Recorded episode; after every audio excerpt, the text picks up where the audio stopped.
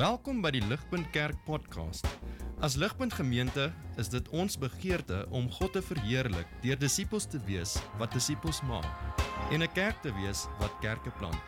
Geniet hierdie week se preek.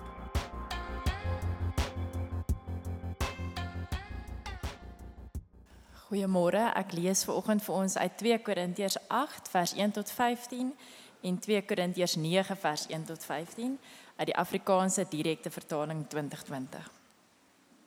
Ons laat julle ook weet broers van die genade van God wat aan die gemeentes in Macedonië gegee is, dat hulle te midde van swaar beproewing as gevolg van verdrukking hulle oorvloedige vreugde en hulle diep armoede laat oorvloei het in 'n rykdom aan vrygewigheid van hulle kant af. Ek getuig dat hulle na vermoë, ja, selfs bo vermoë bereidwillig was. Hulle het pleitend by ons aangedring om deel te kan hê aan die genadewerk van hulpverlening aan die heiliges.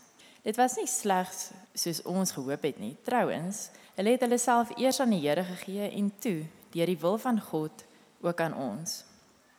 Gevolglik het ons Titus sterk aangemoedig om, soos wat hy hierdie genadewerk reeds begin het, dit ook net so by julle te voltooi.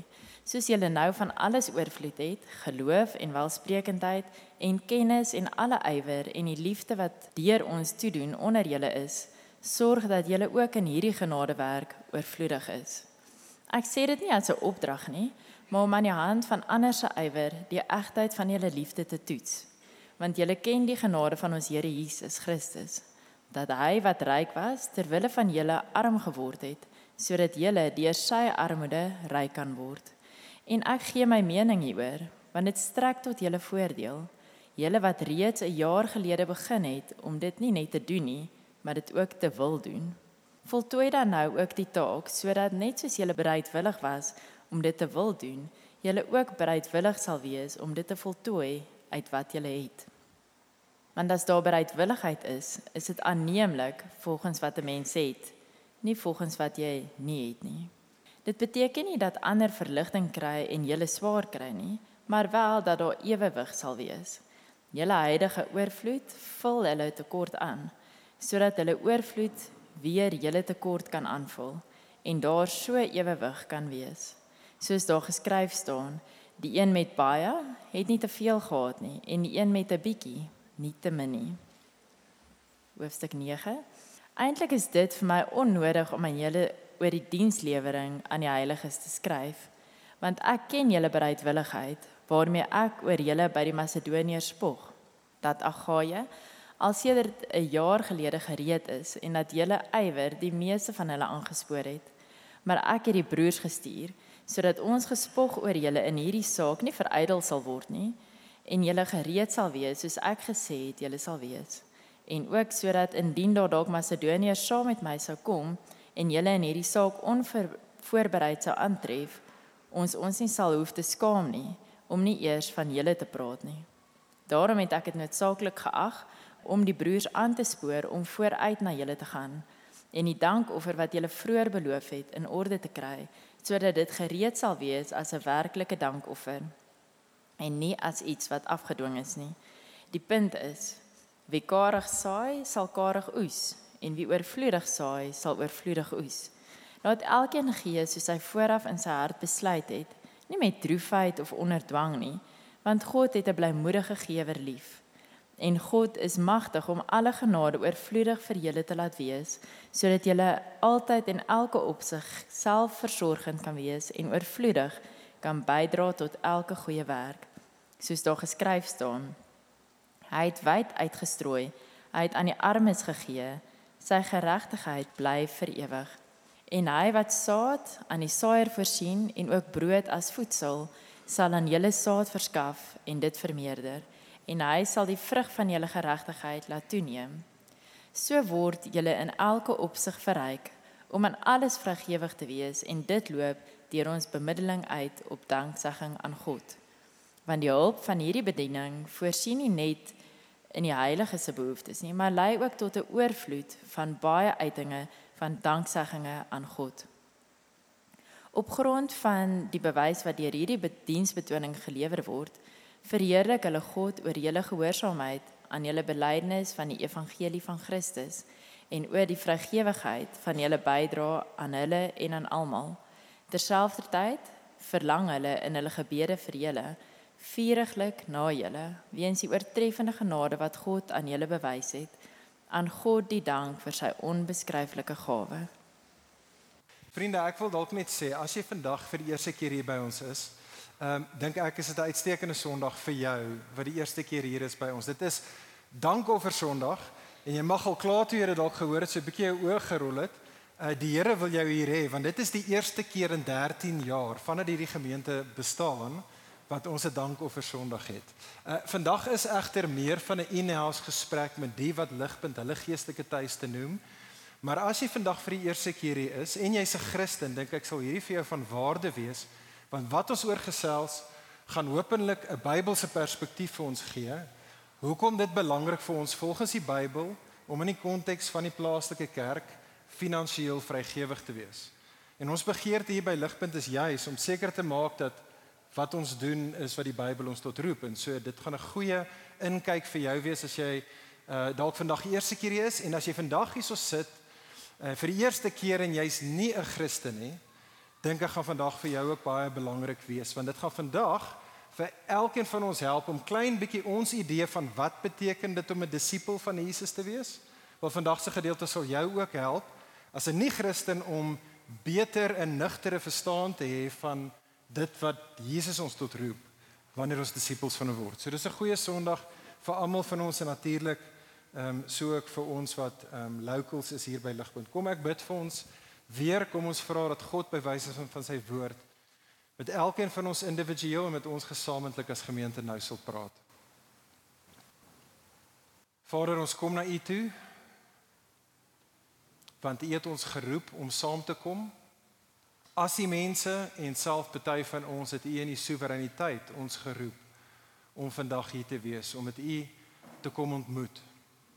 U is 'n God wat praat, U het gepraat in hierdie wêreld so tot stand gebring en U praat vandag deur die woord by wyse van U selfde Gees wat ook teenwoordig was by die skepping van hierdie wêreld, praat U vandag om 'n herskepingswerk in hierdie wêreld te doen en 'n herskepingswerk in ons lewens toenemend te doen. En so God sal u praat met almal van ons nou. Kom ontmoet met ons.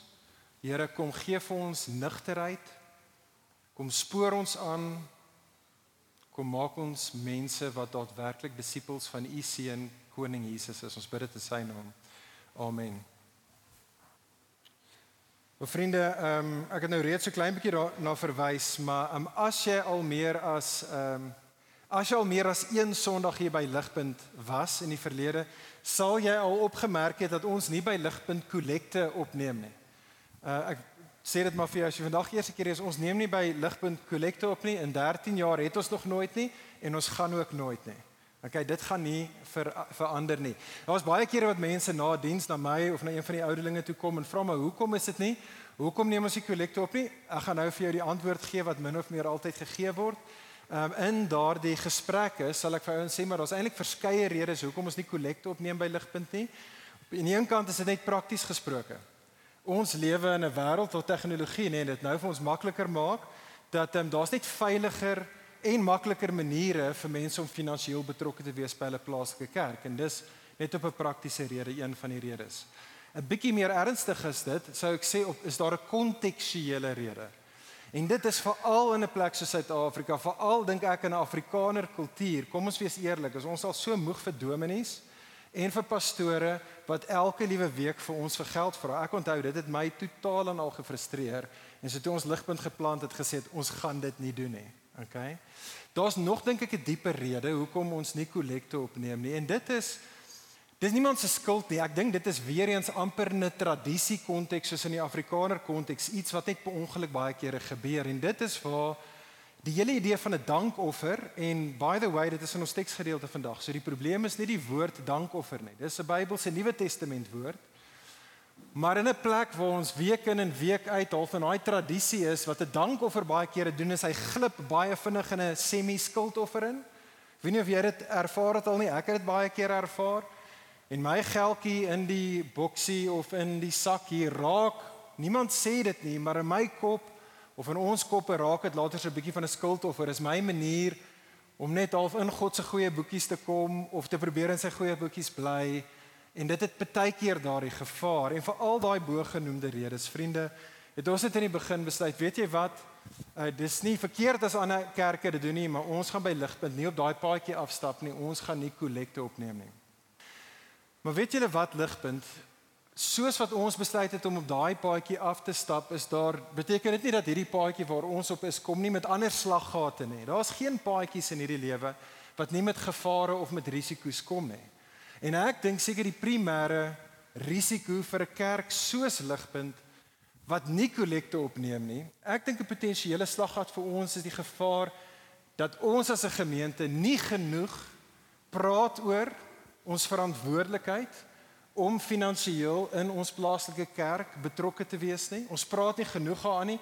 Ons word nie genoeg herinner daaraan dat God ons as Christene roep om in die konteks van die plaaslike kerk finansiëel vrygewig te wees nie. Ek dink nie ek probeer ek het probeer sit en terugdink. Ons spreek baie kere oor oor geld by ligpunt as dit in 'n teks is en ons waarsku mekaar baie kere oor die gevaar van afgodery en geld wat 'n goeie afgod kan wees. Maar ons praat nie genoeg oor op 'n positiewe manier die feit dat God ons roep om finansiëel vrygewig in die konteks van ons plaaslike kerk te te wees nie. Die gevaar vriende vir ons hier by ligpunt veral is dat ons kan dink dat dankoffers is 'n opsionele ekstra tot die Christelike geloof. Dit is iets vir sekere gelowiges of dalk vir my maar net op sekere tye wanneer dit uh, wanneer dit 'n goeie maand of 'n goeie jaar was. Die gevaar vir ons is dat ons nie dankoffers beskou as 'n nodige vergestalting van ons aanbidding van God nie. En vir daai rede dan hoekom ons besluit het om hierdie jaar dankoffer Sondag ehm um, te vier. Die doel van vanoggend is en dit is ook waar by the way en dit is hoekom ons wil hê alle ligpunters moet ook bly vir die familievergadering hierna want ons gaan aan hiermee in die familievergadering. Maar die doel van vanoggend is om ons aan te spoor om in die konteks van hierdie plaaslike kerk, as hierdie jou kerk is, wil ons mekaar aanspoor om toenemend almal van ons toenemend finansiëel vrygewig te wees. Nou ons gaan by deur vanoggend beide in die preek in die familievergadering gaan ons baie praktiese en selfs oor strategiese redes gee hoekom ons finansiëel vrygewig behoort te wees, maar vriende op die einde van die dag, kom ons wees eerlik. Ek en jy sal alleenlik finansiëel vrygewig wees as ons diep oortuig is dat God is die een wat ons roep om finansiëel vrygewig in ons plaaslike kerk te wees en dat toe ons die dag Christene geword het daardie dag het hy ons geroep om in die konteks van die plaaslike kerk finansiëel vrygewig te wees. En so dis wat ons gaan doen. Ons gaan dit doen in die hand van daai teksgedeeltes, daai twee hoofstukke in 2 Korintiërs wat vir ons gelees was. Kan ek jou vra om nou al reeds daai teksgedeelte of jou Bybel byderhand hou? Ons gaan daarna kyk, want dit is presies wat ons sien in hierdie hierdie twee hoofstukke. Pragtige tekste wat ek dink ons nie te, nie nie genoeg na kyk as gelowiges nie. Hier in 2 Korintiërs hoofstuk 8 en 9 praat Paulus met 'n kerk net soos ons, dis die kerk in Korinte 2000 jaar gelede Paulus se doel voor oë is om hulle aan te spoor om toenemend finansiëel vrygewig te wees en hy doen dit, hy spoor hulle aan deur vir hulle twee voorbeelde voor te hou wat hy hulle tot roep. Die een voorbeeld is 'n ander kerk, die kerk in Macedonië, en 'n ander voorbeeld wat hy vir hulle voorhou is Jesus.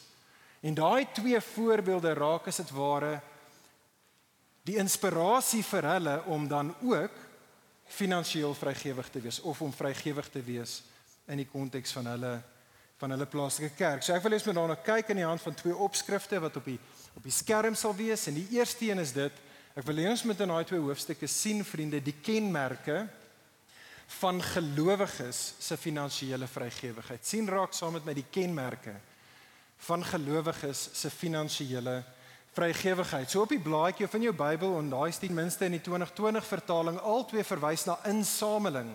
So wat Paulus hier doen is baie obvious, hy wil fondsinsameling doen en hy gaan dit nou doen deur hulle te eintlik inspireer by wyse van die kerk in Macedonië.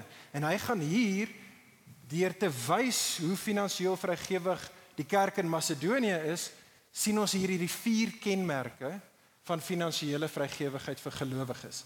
Die eerste kenmerk is dit. Finansiële vrygewigheid spesifiek vir Christene, vir gelowiges is oorvloedig. Dit is oorvloedig. Kyk saam met daar in vers 2. In vers 2 beskryf Paulus hier hierdie lewensomstandighede van hierdie ander kerk ook daar in Klein-Asië se wêreld, die kerk in Macedonië. En Paulus sê hy hy hy beskryf hulle lewensomstandighede. Hy sê dat hulle, daai kerk in Macedonië is in verdrukking weens hulle geloof word hulle verdruk. sien jy daar in vers 2? Weens hulle verdrukking het hulle swaar beproewinge en hulle swaar beproewinge onder andere word ervaar deur die kerk in Macedonië met 'n diep finansiële armoede.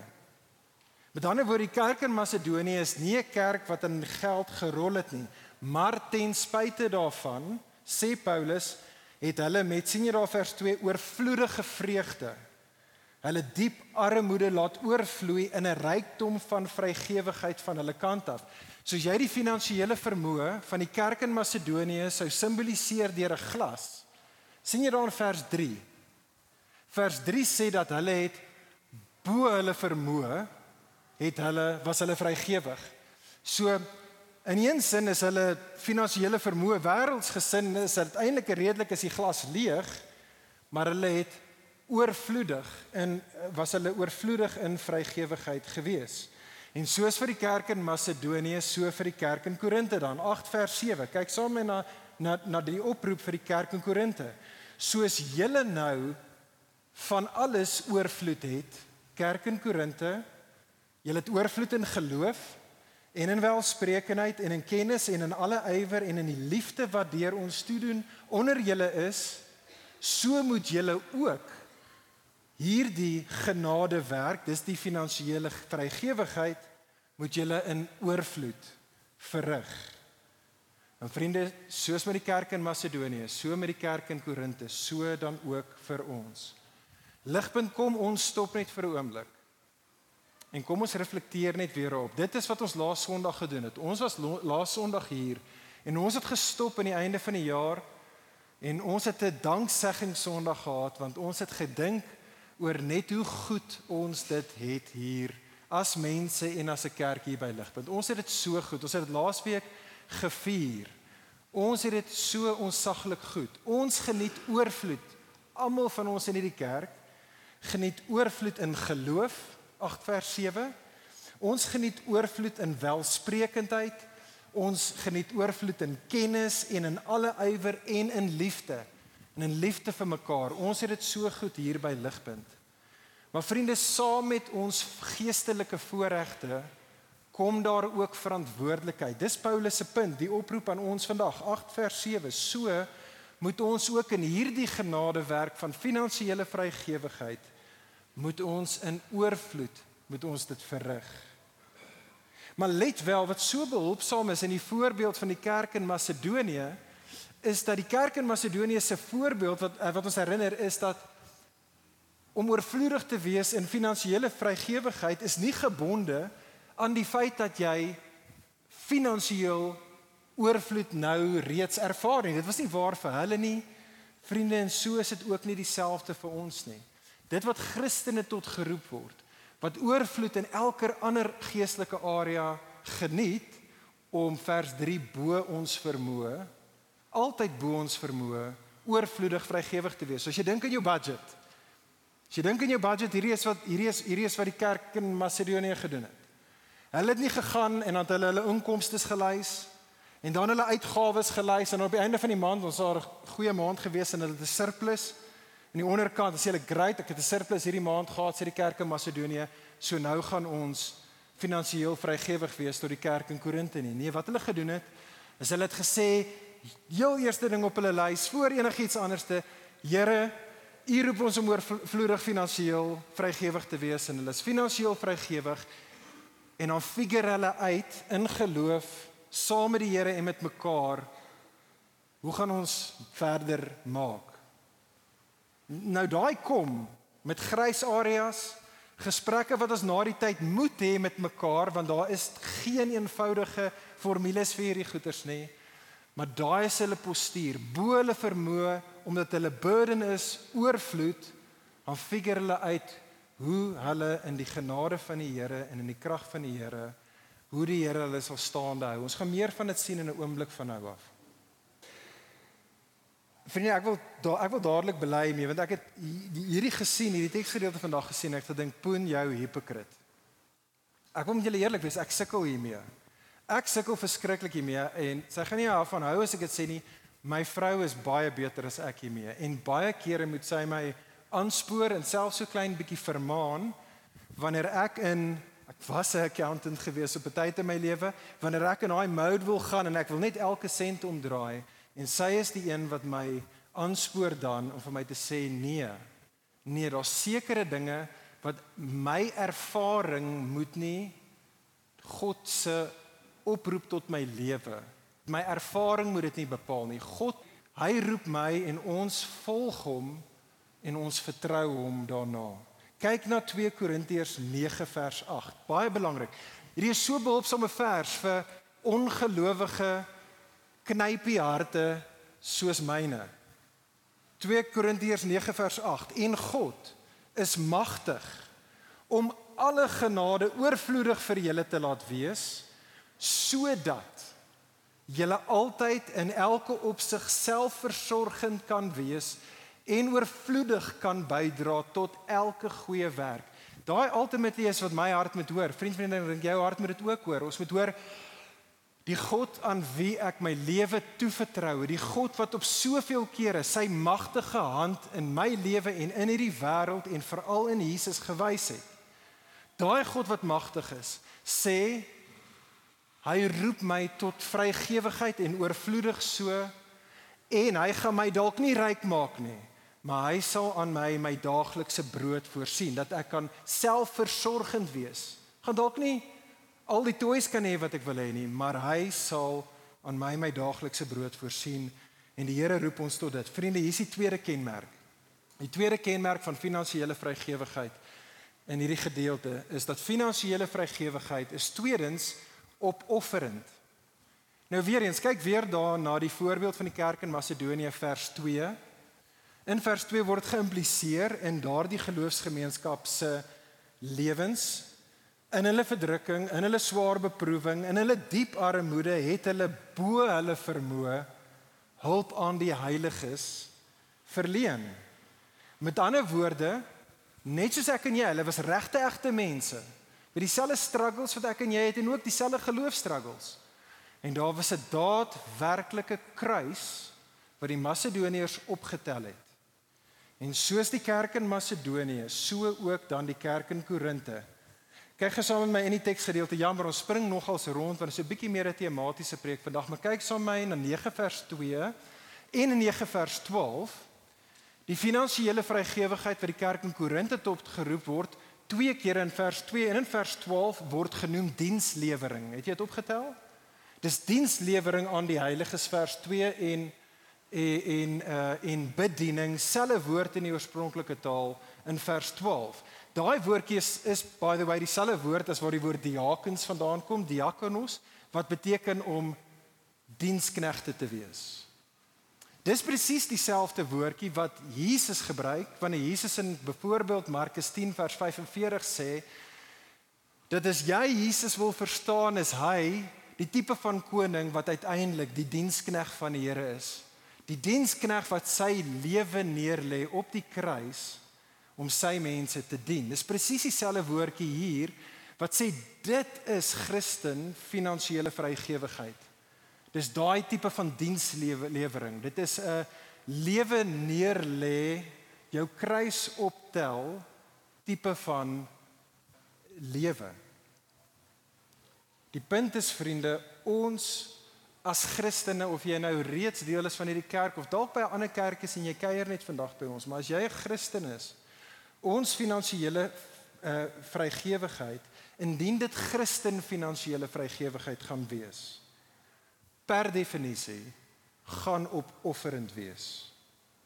Dit gaan opofferend wees. As dit nie opofferend is nie, dan is dit vrygewigheid, maar is nog nie Christen vrygewigheid nie.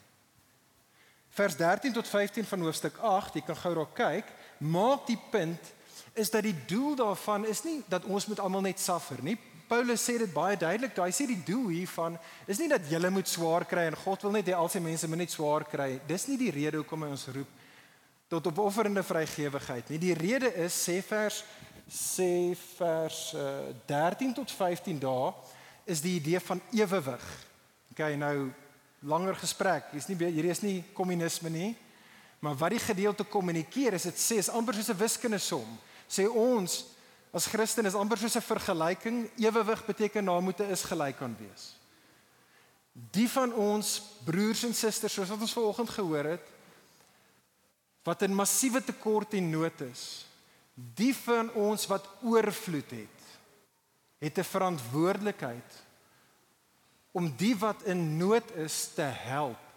Vriende, die hoe die som werk, sodra jy aan hierdie kant van die lyn, daai wat tekort het, oorstuur daai kant van die is gelyk aan, per definisie gaan dit jou kos. Dit gaan ons kos. Dit gaan opofferend wees. Jesus het vir elkeen van ons toe ons geroep het, Lukas 14 gesê as jy my disipel wil wees, as jy my disipel wil wees, moet jy jou kruis optel. Die kruis is die plek waar die eie ek gaan sterf. Dit is wat dit beteken om 'n disipel van Jesus te wees. En so vriende, ons moet ons almal mekaar uh, herinner aan dit, roep tot dit. Ons moet onsself afvra, reflekteer. Ons as 'n gesin reflekteer ons finansiële vrygewigheid tot die konteks van die plaaslike kerk en God se koninkryk. Is is dit 'n kruis wat wat ek optel? Is ek besig om te sterf tot dit wat die eie ek eintlik begeer en graag wil hê. Maar dan moet ons net die volgende kenmerk kyk. Jy moet die volgende kenmerk dan sê: finansiële vrygewigheid, vriende, is blymoedig. sien daarso in vers 2, weer in vers 2 dat die kerk in Macedonië het met oorvloedige vreugde. Vers 3 praat van hulle het bereidwilligheid gehad soos wat hulle gegee het. Vers 4, ek love vers 4. Die kerk in Macedonië het pleitend pleitend aangedring om deel te kan hê aan die genadewerk van hulpverlening aan die heiliges. En soos vir hulle, so vir die kerk in Korinte. In 8 vers 11 tot 12 sê iets wat ek dink redelik skokkend is. 2 eh, Korintiërs 8 11 en 12 sê vir die kerk in Korinte se vrygewigheid om aanneemlik te wees. Met ander woorde, vir God om gelukkig te wees met die kerk in Korinte se finansiële vrygewigheid moet dit vanuit 'n gesindheid van bereidwilligheid kom en die engel sê daar gretigheid desire. Daar moet dit moet kom met die regte gesindheid. Hoekom? Wel, dit is belangrik ons moet dit vir mekaar sê. Die rede is vriende want God het nie ons geld nodig nie. God kort nie ons offers nie. Uh, Psalm 50 vers 10 All the cattle on a thousand hills belongs to him. Al die vee op 'n duisend heuwels behoort aan God. So ek en jy het nie nodig. God is nie God kort nie jou en my geld of wat ook al ons offers mag wees nie. Die punt daarvan is nie so seer dit wat God kort nie. Die punt is eintlik waar ons met hom staan. God soek ons harte. Ons almal het hierdie al gesien. As jy, jy as jy al kinders gesien het, jy dit gesien. Imagine jy het 'n toddler seentjie en jy gee vir jou toddler seentjie 'n pakkie Smarties. Okay, en dan sit amazing. Sy sussie wat nie eers in die vertrek is nie, maar sy so, sy het 'n antenna. Sy weet as haar boetie iets gekry het. Sy's nie eers daar nie. En so sy volg die piep piep piep dan kom sy en haar sien sy haar boetie met die Smarties. En sy vra, "Kan ek 'n Smartie kry?" En hy sê, "Nee." En sy vra, "Asseblief, kan ek 'n Smartie kry?" Sy sê, "Nee." Jy as die ouers sê, gee vir haar 'n smartie. Sy sê nee. Jy sê Jesus wil regtig hê jy moet vir jou sussie 'n smartie gee en hy sê nee. En jy besluit dan om Bybels hande op jou seun te wil hê sodat hy sal 'n smartie gee. Uiteindelik gaan hy en met lang trane en voete wat stamp en met 'n dik lip gee vir sy suster 'n smartie. Is jy as die ouer happy? Nee. Jy is nie want die punt Die punt van die gee, die aanneemlikheid van die gee lê nie in die daad nie. Dit lê in die gesindheid. Dit is die gesindheid wat jy soek. En vriende, weer eens hier, ek moet bieg. Ek moet bieg. Ek sukkel hiermee. Ek sukkel om die regte gesindheid te hê. En ek dink baie van ons doen. Ek ten minste, maar ek dink 'n paar van ons is baie Christene is pliggies. En so ons as pliggies, ek as pliggie, ek doen baie keer die regte ding want ek weet God vereis dit van my. Ek doen dit want ek weet dit sal goed wees vir iemand anderste. Maar my houding stink so bietjie in die midde van dit alles. En ek dink so is ons baie kere. En ek dink vriende die rede hoekom ons so is en hoekom ons sukkel om met blymoedigheid te gee is want net soos hy toddler dink ek en jy die smarties wat God vir ons gegee het behoort aan ons. Ons dink ek baie kere dink maar dis myne. Hoekom hoekom moet ek van myne vir iemand anders te gee? Die punt is want dit was nooit myne nie. My hemelse Vader het my die smarties gegee, my finansiële vermoë vir hierdie doel en hierdie doel alleen dat ek vir my boeties en sissies sal smarties uitdeel. Dis sy begeerte. Kyk na 2 Korintiërs 9 vers 7. O, is 'n opdrag. Hierdie is 'n opdrag, nê? Nee?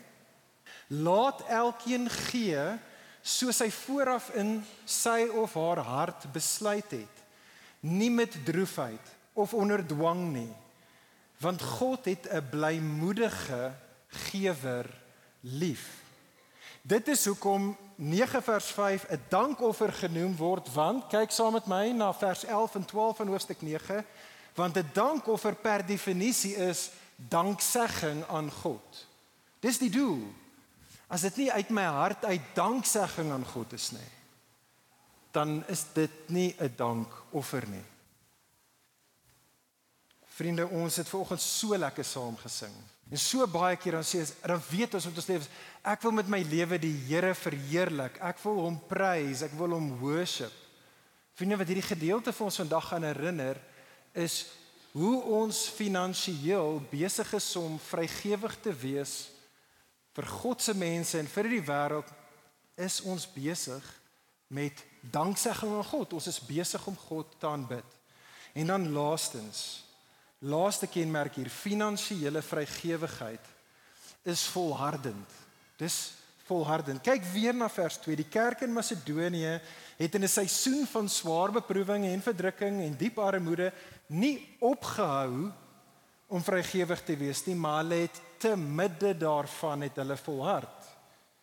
En so roep Paulus dan ook die kerk in Korinte. Het kyk het jy dit gesien 8 vers 11. Hy gaan hulle nou spesifiek roep om te volhard.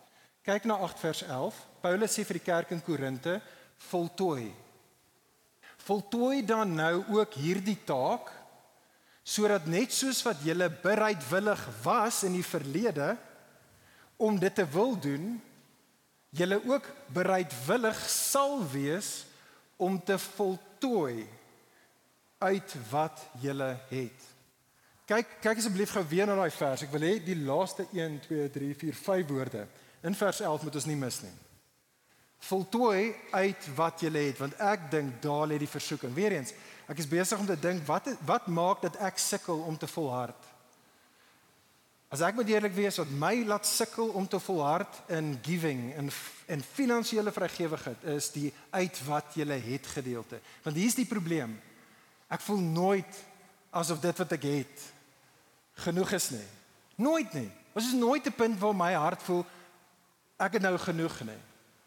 En, en weer eens dink ek dit is waar so van ons almal almal en dit is hier waar die beeld wat Paulus vir ons gee in Openbaring 9 vers 10 tot 11 dink ek so lewegewend vir vir my is vir ons is. Kyk na die beeld in 2 Korintiërs 9 vers 10 tot 11. Paulus skets hierdie beeld. Try to imagine van 'n boer en daar's 'n saaier die en die saaier word saad gegee met 'n taak om die saad te strooi om 'n oes teweeg te bring. Dis die prentjie, dis die taal van 2 Korintiërs 9 vers 10 tot 11.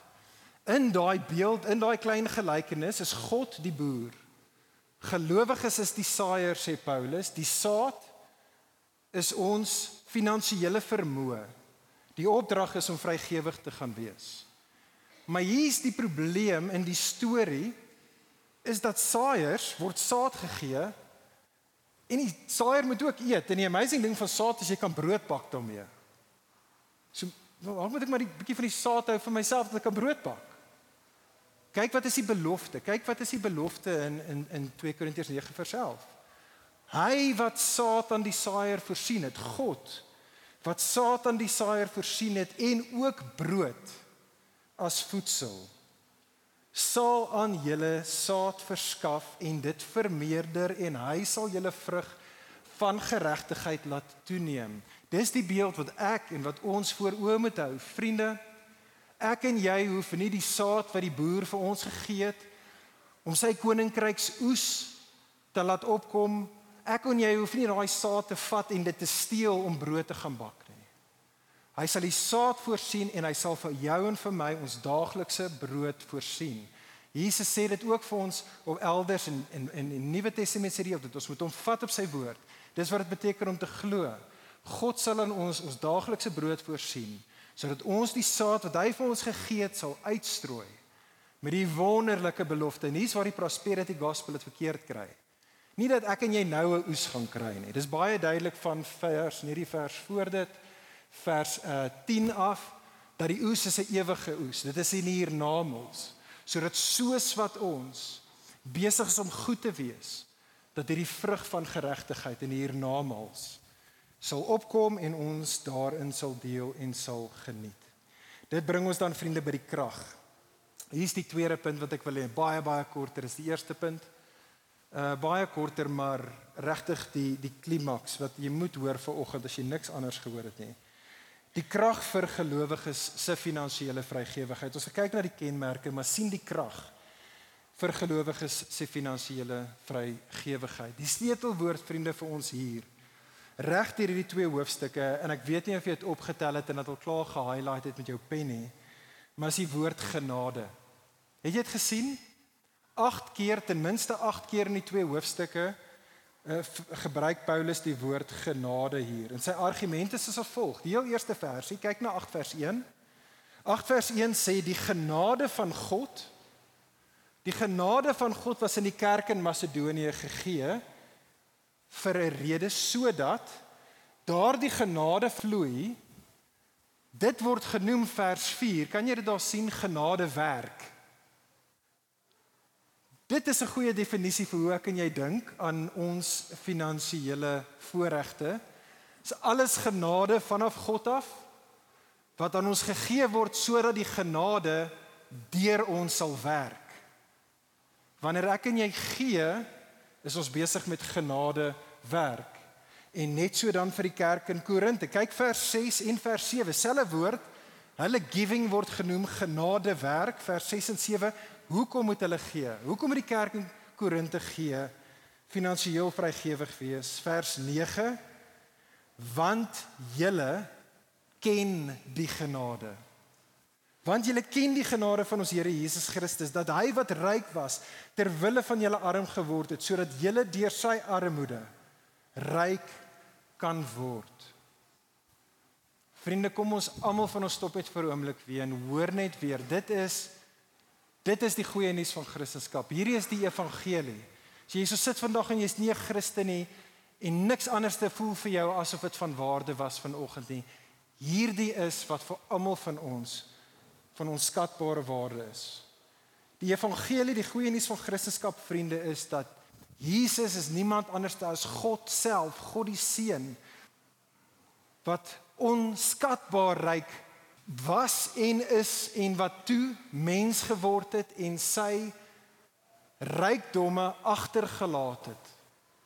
Jesus wat ryk was het homself verarm deur een van ons te word Filippense 2 en toe self homself heeltemal uitgestort. Elke laaste sent van wat hy gehad het uitgestort het vir jou en vir my op die kruis om jou en my in ons geestelike bankrotskap om ons te kom ontmoet om genade aan ons te kom betoon. Dis die evangelie. Dit is wat Paulus se punt is hier.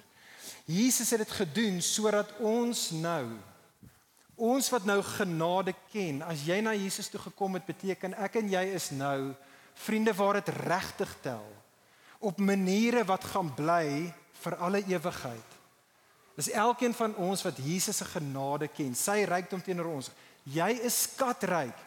Ons is insane keer meer ryk as Elon Musk vir alle ewigheid en geen mot of roes of enige stock exchange kan iets wegvat van jou en my werklike rykdom vir alle ewigheid nie. En ons wat daai genade ken, ons kan nou toelaat dat daai genade werk deur ons werk sodat ons nou oorvloedig opofferend, blymoedig en volhardend vrygewig kan wees. Nou jy sit dalk hier en soos wat ons bietjie wil saamgesels, 'n bietjie meer hier spesifiek met ons as 'n gemeente, mag jy dalk hierso sit en jy mag sê, "Oké okay, Poen, ek kan sien hoekom ons finansiëel vrygewig moet wees. Ek kan sien dat God roep ons. Ek hoop jy kan sien dat hierdie is wat God se woord ons tot roep as Christene." En jy sê, "Ek kan dit sien, ek verstaan hoekom ek finansiëel vrygewig moet wees, maar Poen, hoekom nou?"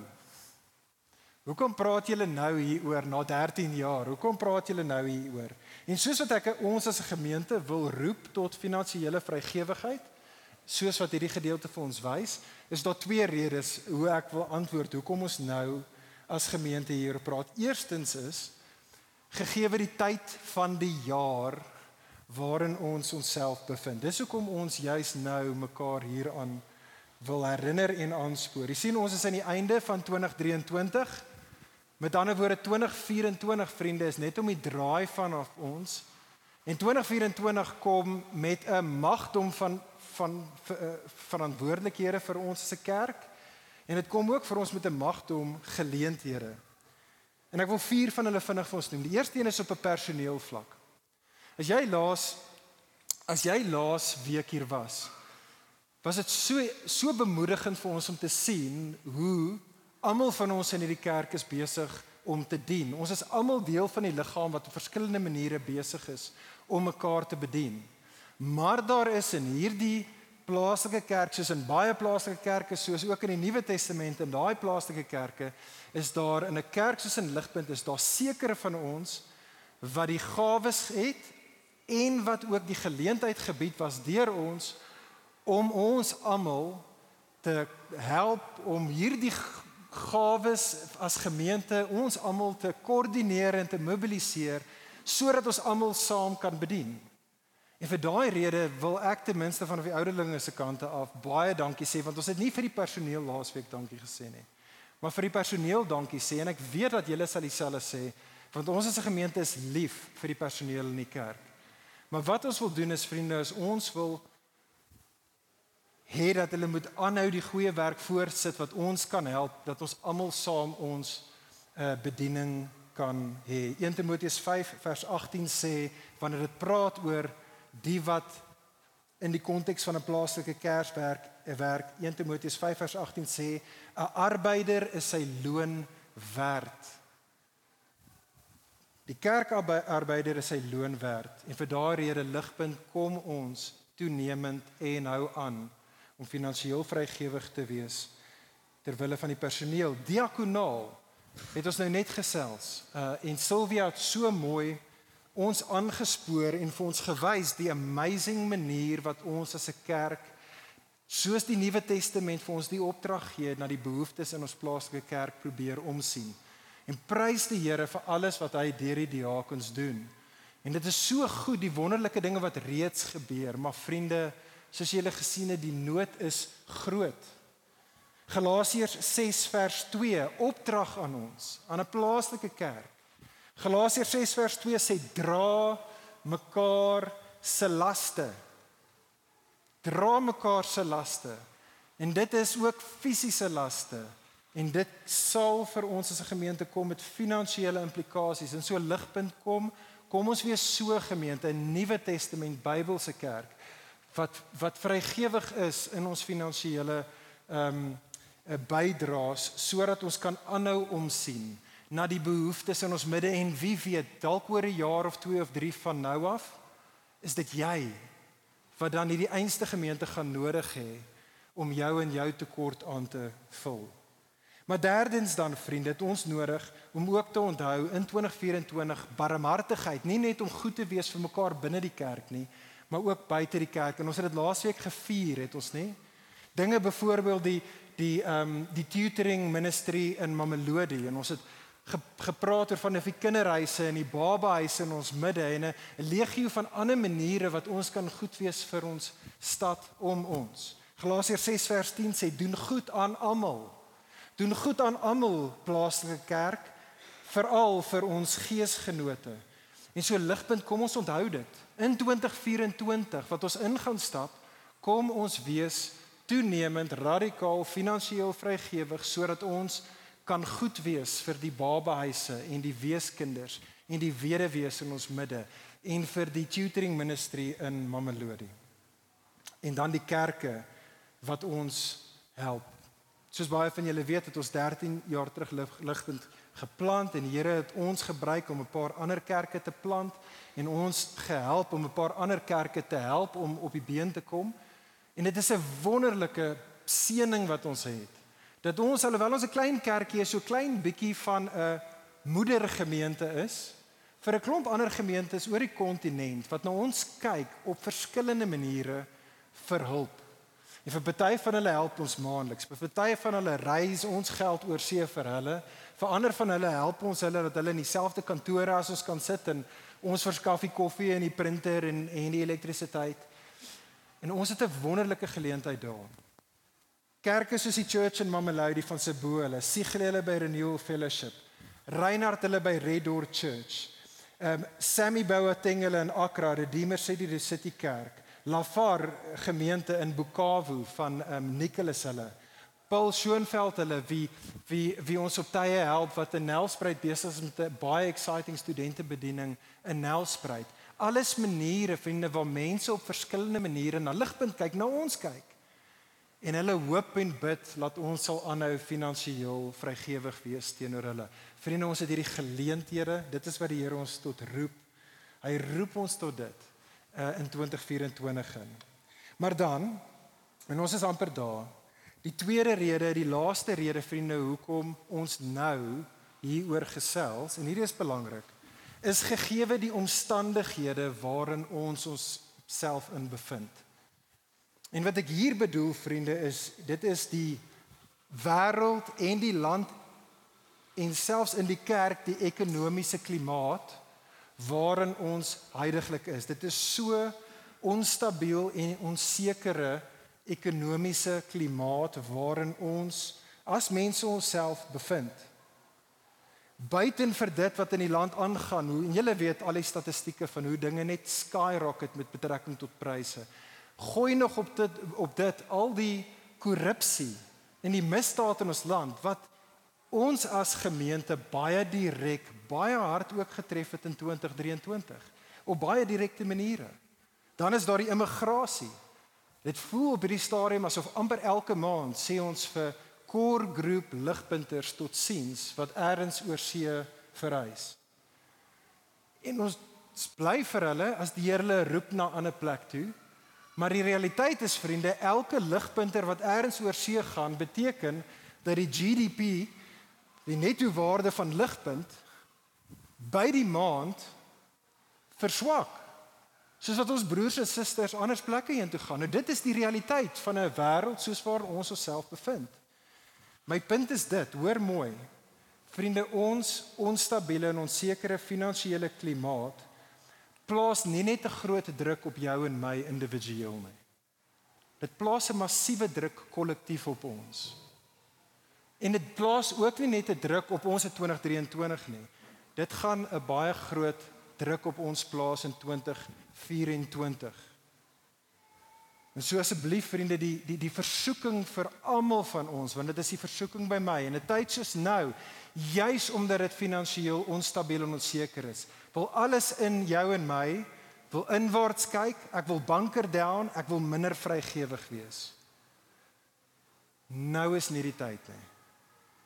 Nou is nie die tyd nie. Nou is die tyd ligpunt vir ons om nader te staan aan mekaar, om meer saam te trek, om meer vrygewig te wees, om saam as gemeente deur hierdie seisoen en die storms kollektief te gaan, beide vir onsself, maar ook vir die ander daar buite wat die Here ons tot roep om sout en lig voor te wees. En ek wil afsluit. Ek sluit hiermee af.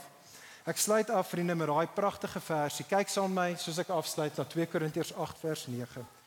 2 Korintiërs 8 vers 9. Ek wil net vinnig eindig met 'n woord vir drie groepe mense van wat vandag hierso sit. Daai pragtige evangelie vers. Dalk sit jy vandag hier en jy's nie 'n Christen nie. Kan ek jou vra, as jy hierso sit en jy's nie 'n Christen nie, kom asseblief tog na hierdie Jesus toe. Ek weet nie of dit met jou finansiëel goed of sleg gaan tans nie. Maar as jy nie binne in Jesus gevind word voordat jy jou laaste asem uitblaas nie, is jy nou en vir alle ewigheid totaal en al bankrot. Kom na Jesus toe wat in sy oorvloedige genade sy rykdom uitgestort het, nie Christen vir jou sodat jy sy genade kan bekom en nou kan deel wees van 'n storie en 'n mense wat vir alle ewigheid eendag baie oorvloedig gaan wees. As jy vandag hier so sit tweedens Christen, maar as jy moet eerlik wees, besef jy dat jy is nie tans finansiëel as jy nie tans finansiëel vrygewig soos wat hierdie gedeelte ons tot roep nie. Christen, kan ek jou aanspoor jou uitnooi asseblief kyk weer na Jesus. Kyk weer na Jesus. Moenie ophou om na Jesus te kyk nie. Bly drink die genade in wat net in Jesus te vind is. Dit is die mate waarin ek en jy oortuig is van die genade wat ons ken in Jesus is die mate waarin ons finansiëel vrygewig gaan wees. En dan laastens, Christen, jy wat wel finansiëel vrygewig is. En daar is baie sulke uh, sulke lidmate hier by Ligpunt. Kan ek vir jou sê dankie dat jy finansiëel vrygewig is in hierdie gemeente? Kan ek jou vra asseblief om aan te hou? Ons weet nie wie jy is nie. Ons weet nie wie gee wat in Ligpunt nie. Ons weet nie wie jy is nie, maar die Here weet.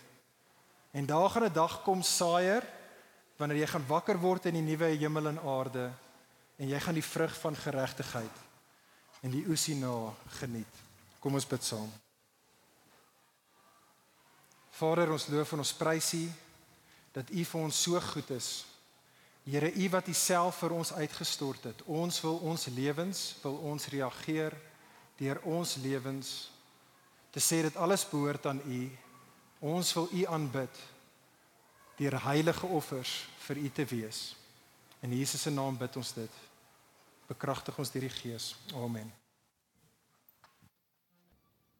Vir meer inligting oor Ligpunt Kerk, besoek gerus ons webwerf op www.ligpunt.com of kontak ons gerus by info@ligpunt.com